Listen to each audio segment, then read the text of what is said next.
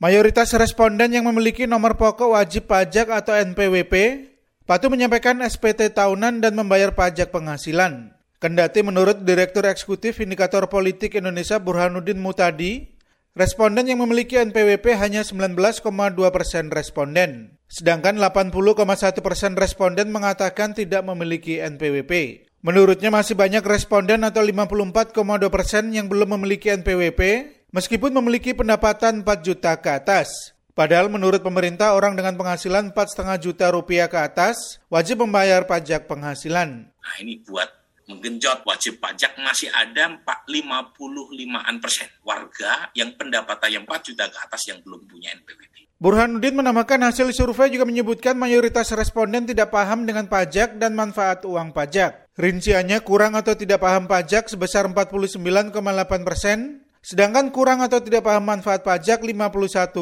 persen. Ini artinya menurut Burhan pemerintah perlu lebih efektif mensosialisasikan pajak kepada masyarakat.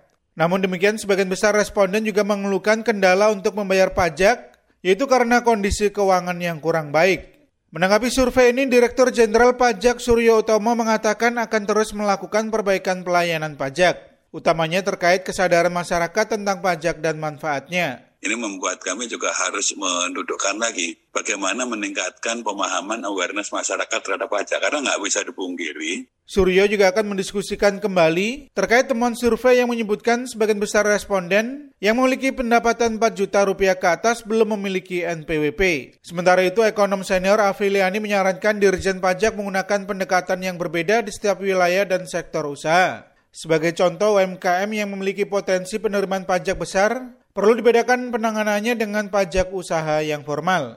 Afilani juga mengingatkan pemerintah bahwa penerimaan pajak tahun ini masih terdongkrak kenaikan harga komoditas di tingkat internasional. Namun ia memperkirakan harga komoditas tersebut akan mulai menurun pada triwulan tahun depan yang bisa mempengaruhi penerimaan pajak. Dari Jakarta, Sasmita Madri melaporkan untuk VOA Washington.